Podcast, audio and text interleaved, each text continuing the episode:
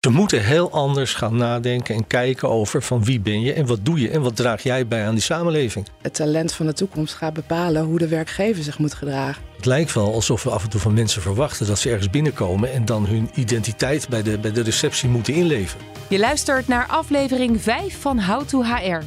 Een podcastserie van Personio die draait om de toekomst van HR.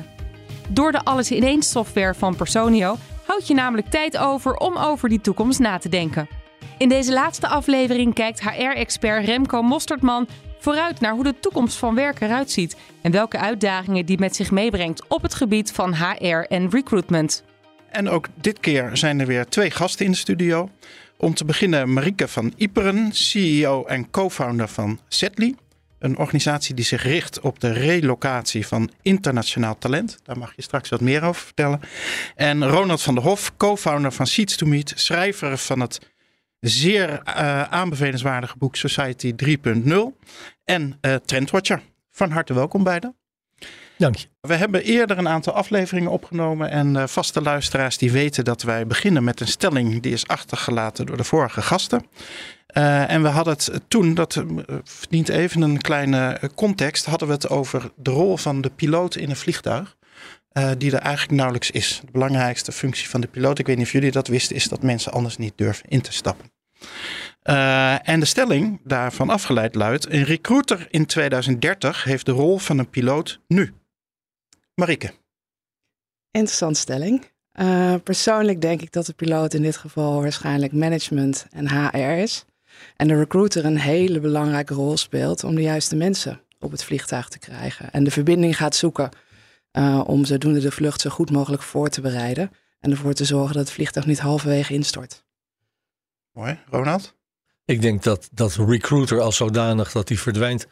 Maar dat wil niet zeggen dat de activiteit van recruiting verdwijnt. Maar dat die eigenlijk door zo'n heel netwerk en hele organisatiestructuur zeg maar beoefend wordt. Omdat recruiten inderdaad de juiste mensen op het juiste moment met de juiste bagage op de juiste plek te krijgen. Ja, dat wordt natuurlijk wel de uitdaging in de toekomst. Dus er wordt een verschil gemaakt tussen, tussen de functie en de rol en de functie uitoefening. En ik hoor een soort rol van community manager uh, terug. Dat bevalt mij natuurlijk heel erg. Uh, nog even een aftrap. De toekomst van HR. Dat is een hele open, maar kunnen jullie daar iets op weg filosoferen? Te beginnen met Ronald. Hoe ziet HR er in de toekomst wat jou betreft uit? Ja, dat geldt natuurlijk eigenlijk hetzelfde wat ik net ook zei. Dat is HR dat... Ja, we gaan weg uit die vakjes allemaal en, en weg uit die uh, die functietitels en dat soort dingen. Het, is meer een palet van activiteiten wat door meerdere mensen tegelijkertijd gedaan kan worden. Dus als je dan nog een HR-manager of zo zou hebben, dat, dan, die gaat meer train-de-trainer doen. Dus die moet er meer voor zorgen dat, dat zo'n zo'n flexibele schil, wat zo'n organisatie zeg maar gaat worden, dat die over die vaardigheden beschikt. En dat is de rol uiteindelijk van, van HR. Veel minder prominent of vanuit het vakje en de structuur en de hiërarchie zoals we die nu kennen. Ja, dus ik hoor je ook erg over wat tegenwoordig helemaal hot is, uh, reskilling. Uh, leren. Uh, hoor ik jou zeggen dat we dat op een andere manier ook gaan doen? Ja, absoluut.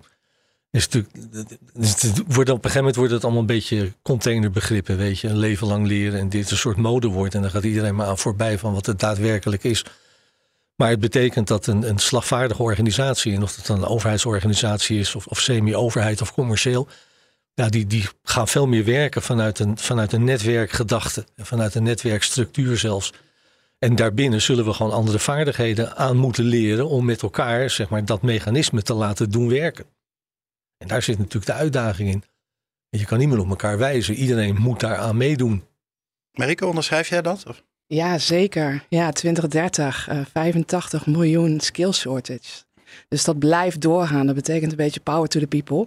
Dus het talent van de toekomst gaat bepalen hoe de werkgever zich moet gedragen. En je ziet natuurlijk enorm interessante trends nu met de jongere generatie die doorkomt. Remote working. En daar zullen organisaties op moeten gaan anticiperen. Want hoe ga je nu talent binnenhalen en behouden? En ja, reskilling en development gaat key zijn. En hoe ziet zo'n profiel eruit als je het hebt over de huidige medewerker, zal ik maar zeggen, en iemand die in de toekomst floreert? Als je kijkt naar de jongere generatie, zie je dat de drijfveren enorm veranderen. Uh, waar voorheen het heel erg ging om de compensatie, benefits, vastigheid. zie je nu een enorme drijfveer om uh, community, impact maken, purpose, maar ook flexibiliteit, autonomie. Mogen werken vanaf waar je maar wilt, hoe je dat maar wilt. En daar zullen organisaties op in moeten gaan spelen. Dat werken vanuit die purpose, waarbij geld niet meer belangrijk schijnt te zijn, kan dat ook onder uh, economische hoogtij beïnvloed zijn? Dat zou zeker kunnen. Uh, maar tegelijkertijd zie je een enorme trend. We zien dat ook binnen onze eigen organisatie. Dat mensen oprecht gelukkig worden van vrijwilligerswerk. Impact maken, werken voor een product, een service, iets waarbij ze uh, meaningful difference kunnen maken. En zolang er heel veel banen zijn en minder mensen zijn, dan uh, denk ik dat die trend zich door blijft zetten. Oké, andere, andere trend, of misschien buzzword, ik ben benieuwd hoe jullie er naar kijken. Employee-centric werken. Ronald. ja, en we stellen de klant centraal, we zetten het in ons logo en er verandert verder niks. Ja. Dus dat zijn ook typisch van die, van die kreten. Maar daar gaat het natuurlijk wel om. Maar dan moet je employee moet je wel breder, breder. Het gaat natuurlijk eigenlijk om iedereen die betrokken is in meer of mindere mate bij een organisatie. En uiteindelijk kan een organisatie alleen maar functioneren als daar in zo'n groep een bepaalde harmonie is. Of een gedeeld beeld, of een gedeelde visie, of een gedeelde purpose, of hoe je dat ook noemen wil. Ja, als je, als je dat centric noemt, prima. Weet je, maar daar komt wel iets meer bij kijken dan het alleen maar zeggen. Ja, dan zou ik toch even tijd willen besteden aan, aan die hoe-vraag. Want jullie moesten allebei tegelijk heel hartelijk lachen toen het ging over employee centric. Ronald, jij zegt mooi, jij zet het in je mission statement en het, en het is er. Nou, niet dus. Toch is iedereen het er wel over eens. Hè? Soms een beetje meer en minder afhankelijk van de economie. Het gaat om de medewerker. Richard Branson, een gelukkige klant krijg je door een gelukkige medewerker. Maar kennelijk lukt het toch heel vaak niet. Nee, maar je, je, moet natuurlijk, als je zeg maar intrinsiek een organisatie gaat vernieuwen, gaat dat duidelijk veel verder dan het alleen maar in je, in je mission statement zetten. En een paar greenwashing dingen en acties doen en het heel hard roepen met PR-campagnes. Ja. Uh, dat betekent niet dat je in, je organisatie intrinsiek verandert. Het betekent wel dat daarmee een, een organisatie intrinsiek zijn zwakheden laat zien en letterlijk ziek wordt. En het is niet voor niks. Hè. Wat vanmorgen werd er nog gepubliceerd dat het aantal mensen wat ziek is vanwege burn-out en zo is, is historisch hoog. Ja, dat komt omdat we mensen allemaal in die organisaties proppen, in het vakje proppen. Die moeten eigenlijk dingen doen waarvan de organisatie zegt dat ze ze niet doen, maar ze moeten ze toch doen, want KPI's en dit. En daar kom je niet meer uit. En zolang we daarin hardleers blijven, in ons, ons denken over dat soort systemen, ja, dan, dan gaat het er natuurlijk niet worden. En we moeten wel ons realiseren dat er een generatie is die nu die verder kijkt. Hè? Er werd net al gezegd, vrijwilligerswerk en, en ander werk en dat soort dingen. Uh, maar dat is wel onze toekomst. Want ik kom uit de vijftiger jaren. Toen waren het er nog, geloof ik, uh, acht werknemers voor iedere 65-plusser. Nou, in 2010 waren dat nog vier. Het zijn er nu nog drie werknemers per 65-plusser. En we gaan naar twee mensen, twee werkenden, zeg maar, ten opzichte van één 65-plusser. Dus dat betekent dat we gewoon heel effectief nauwelijks meer handjes en hersenen hebben om alles te doen wat die samenleving nodig heeft om te kunnen functioneren. Dus we moeten heel anders gaan nadenken en kijken over van wie ben je en wat doe je en wat draag jij bij aan die samenleving. En dat zal deels betaald zijn, dat zal deels tegen sociaal kapitaal zijn, dat zal deels, et cetera, et cetera. Dus we moeten veel meer, ja, in, in die zin, resources, menselijke resources met elkaar moeten gaan delen. We proberen in deze serie van vijf podcasts ook een paar learnings over te houden. Eentje die ik hoor is dat je mensen dus niet in vakjes stopt. Het klinkt heel simpel, maar ik denk dat het helaas toch nog veel gebeurt. Marieke, heb jij er ook eentje? Ja, ik denk sowieso dat dat een hele goede is. Het begint ook vaak bij leadership. Ik denk dat dat ook een van de voornaamste learningen is. HR kan de meest fantastische frameworks bedenken en uitrollen en implementeren. Maar als leadership niet het juiste voorbeeld geeft en na vijf uur allemaal e-mailtjes aan het sturen is, of 100 uur per week werkt of tijdens vakantie nog steeds beschikbaar is. Wat, wat zegt dat over employee well-being? Wat zegt dat over hoe employee-centric je organisatie is? En ik denk dat dat stapje nog steeds wel eens uh, vergeten wordt. Eh, kun je het ook relateren aan, uh, aan het werk wat je doet? We gaan er geen reclameblokje van maken, maar ik ben toch wel nieuwsgierig. De relocatie van talent. Kun je daar wat meer over vertellen? Ja, tuurlijk. Ja, wij zijn uh, bij Sedley Bouw een platform voor uh, talent van, van de toekomst, maar ook al het huidige talent. En wat we heel erg zien is dat mensen vanuit het buitenland soms iets wat andere drijfveren hebben dan, dan de locals die wat, wat, wat hier in de ja, eerste wereld zijn opgegooid.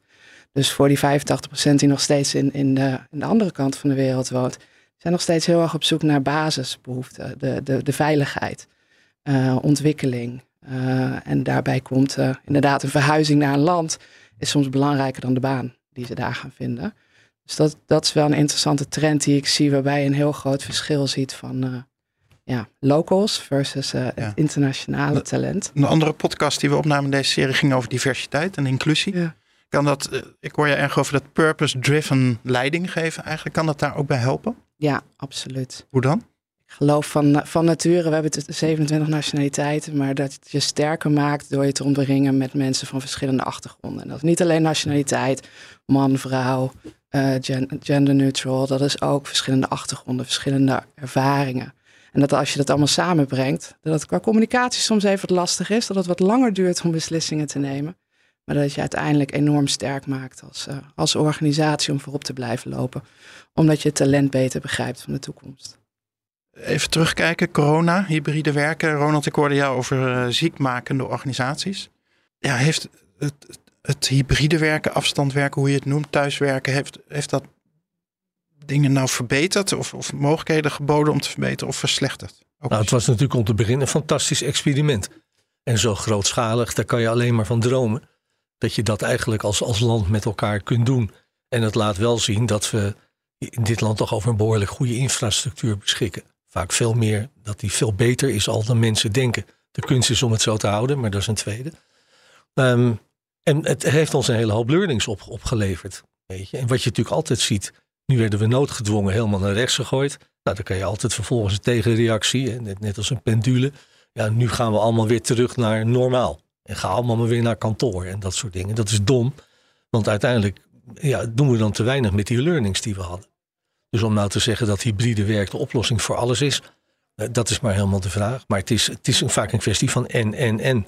En je moet nu eigenlijk die kennis die we op hebben gedaan tijdens corona en de kennis die mensen ook zelf hebben opgedaan met hybride werken, ja, die moet je nu met elkaar weer gaan, gaan voegen in die, in die organisatie zoals die was. En dat gesprek zie je niet. En het is steeds de, de domme discussie van ja, thuiswerken of op kantoor werken. Punt. Weet je, net als uh, vast contract, flexcontract, punt. Ja, dat is onzin. Er zijn tien smaken daartussen of twintig smaken daartussen. En daar hoor je zo weinig mensen over. En daar is natuurlijk absoluut zeker ook een rol weggelegd voor, voor Den Haag en onze vriendelijke regenten daar. Die, die, die zitten maar steeds op die tegenstelling van het is of links of rechts, of links of rechts, of het een of het ander. Terwijl ze eigenlijk het voorbeeld zouden moeten geven en veel meer moeten zeggen van daar veel genuanceerder tegen aankijken. En zeggen van ja, wat hebben we daarvan geleerd en hoe kun je dat toepassen, hoe kun je dat inpassen. Dan moesten ze zelf ook het voorbeeld in geven. En dan komen we ergens. Maar zoals er nu uitziet, hebben we een aantal learnings gehad waar in mijn optiek veel te weinig mee gedaan wordt. Ja, dat was precies mijn volgende vraag. Kun je één of twee dingen noemen waarvan je zegt, hey, dat was noodgedwongen, maar bleek eigenlijk een zegen, dat moeten we vasthouden. En uh, misschien ook één ding waarvan je zegt, ja, dat, dat moest, maar fijn als we daar snel weer afscheid van nemen. Nou wat, het ons heel erg bewust van heeft gemaakt, is dat, dat het is niet of het een of het ander, maar het is en en.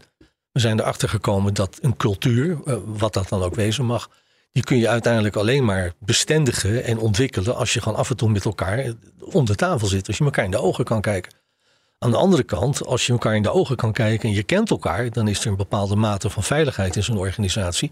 Dan kan je makkelijk een heel aantal activiteiten op afstand doen.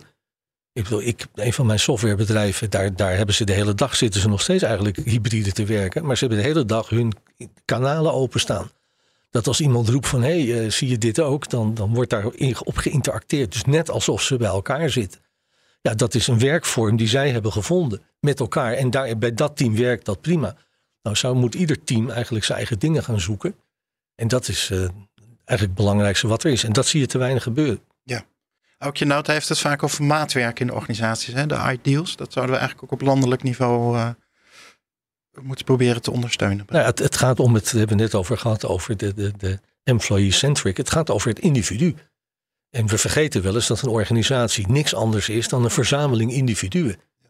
En het lijkt wel alsof we af en toe van mensen verwachten dat ze ergens binnenkomen en dan hun identiteit bij de, bij de receptie moeten inleveren. En, en dan moeten ze vervolgens authentiek zijn en zo binnen het bedrijf. En dan mag je alles zeggen wat je weet, allemaal dat soort dingen. Marika, heb jij in het buitenland dingen gezien waarvan je zegt, uh, zouden we hier ook moeten doen? Zoveel. Uh, ligt er heel erg aan in welk land. Ik heb, ik heb overal gewerkt, van San Francisco tot aan China, Midden-Oosten, Australië. Uh, iedere cultuur, ieder land heeft weer zijn eigen voor- en nadelen. Net zoals dat de Nederlandse cultuur dat heeft. Wat ik persoonlijk, waar mijn HR-hart heel gelukkig van werd, Dus vertrouwen in de mensen hebben. En dat teruglinken ook weer naar COVID. Dat was wel iets wat noodgedwongen uh, ging ontstaan. Want ik weet nog die twintig jaar hiervoor dat we altijd maar bezig waren met die working from home policies. En het liefst wilde die manager gewoon ten alle tijde ernaast zitten om de boel te kunnen controleren. Noodgedwongen werd dat uh, nu veranderd. Nu ben ik inderdaad weer benieuwd hoe lang dat gaat blijven. Maar bijvoorbeeld in, in Australië was dat al heel erg de norm toen ik daar 10, 15 jaar geleden werkte. Was het al heel gebruikelijk dat je niet altijd naar kantoor toe kwam. Dat je redelijk een goede work-life balance had. Dat je even twee uur uh, pauze nam.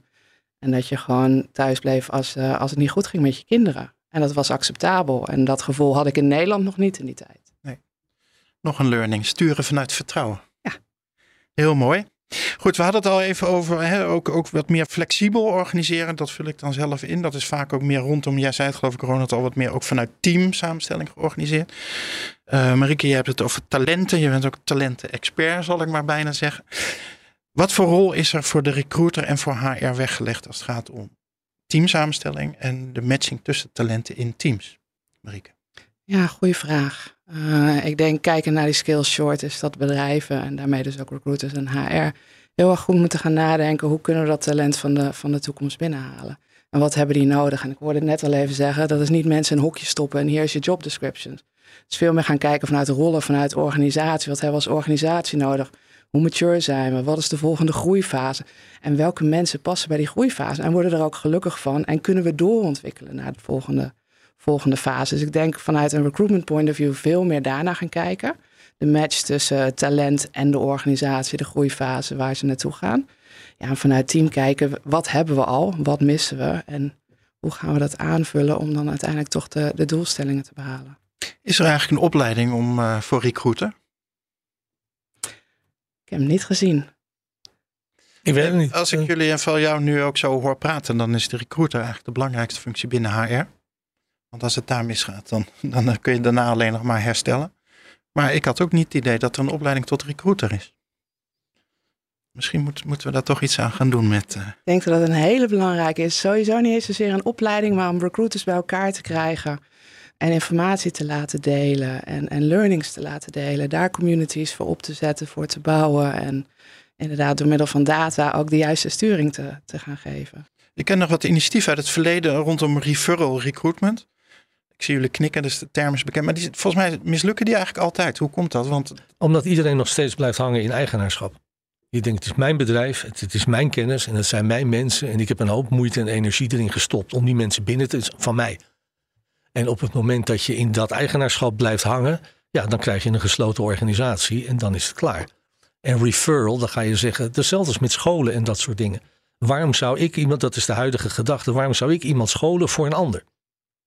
Terwijl als je allemaal denkt van we scholen mensen, dan wordt gewoon die hele populatie slimmer. Weet je, dan moet je dus gewoon dat denken in van ik en mij, dat moet je, dat moet je vergeten. En dat, daardoor mislukken dat soort projecten. Plus bij de medewerkers is ook geen eigenaarschap om nieuwe medewerkers naar binnen te halen. Zou dat niet pleiten voor dan weer, net zeiden we, de recruiters eigenlijk de belangrijkste rol. Misschien moeten we de recruitmentrol afschaffen. Nou ja, ik vind het een interessante vraag. Ik heb hele goede referral-programma's gezien, ook hele slechte referral-programma's. Als je alleen maar met geld gaat, geld gaat, uh, gaat gooien, dan zie je soms dat je ineens 30 referrals binnenkrijgt en er zit geen talent tussen. Als je de medewerkers daar ownership van maakt, we hebben bijvoorbeeld zelfs niet eens een financiële beloning, maar meer hoe gaaf is het om hier te werken, dan zie je dat ze vanzelf proactief dat gaan delen binnen hun netwerk, binnen hun omgeving. We hebben volgens mij 30% van onze nieuwe medewerkers komen via employee referrals.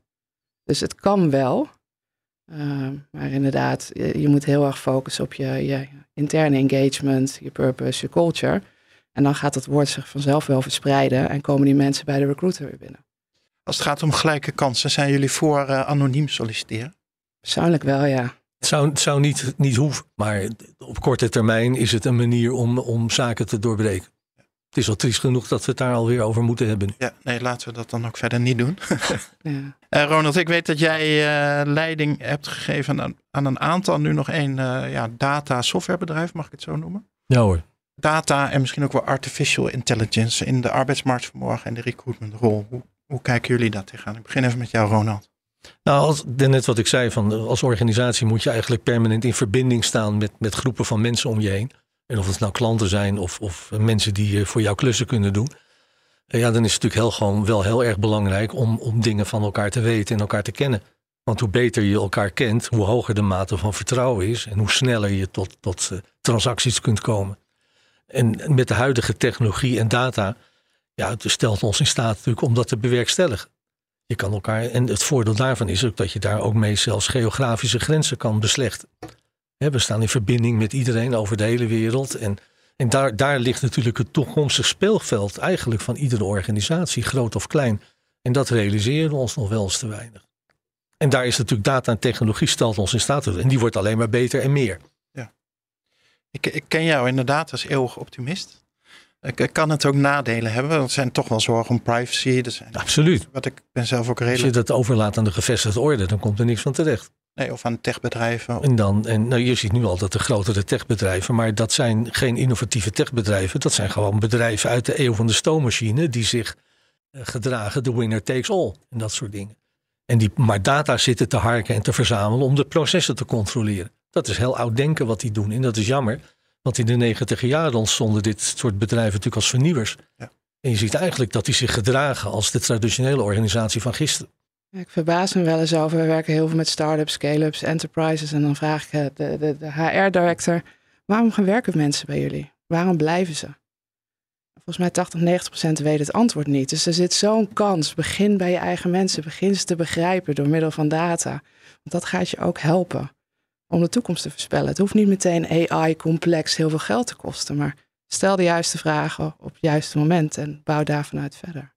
Ja, ik weet dat Johnny Bergs, de CHRO van Leaseplan, die weet dat wel. Die houdt ook pleidooi uh, altijd voor de genetwerkte organisaties. Ja. Ik, ja, ik kwam erop door wat jij zei, Ronald. Uh, kunnen jullie daar nog iets over zeggen? Dus die, die, die non-hierarchische, de genetwerkte, de, de horizontale organisatie, misschien ook in relatie tot data. Hoe, toch nog even zo richting het eind van deze podcast vooruitdromen. Hoe ziet die er dan uit?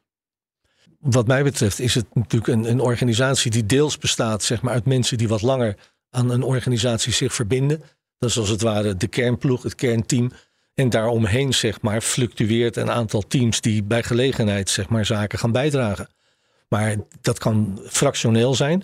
Dus ik zie een bericht voorbij komen op Twitter en ik geef de antwoord op. Op dat moment ben ik voor twee seconden verbonden aan die organisatie. Maar ik kan ook een project gaan doen in Vietnam met een organisatie voor drie maanden. En dan ben ik opeens drie maanden aan zo'n organisatie verbonden.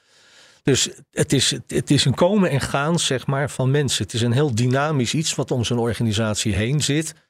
En daarbinnen ja, vertellen mensen elkaar verhalen, die, die, die, die leren van elkaar.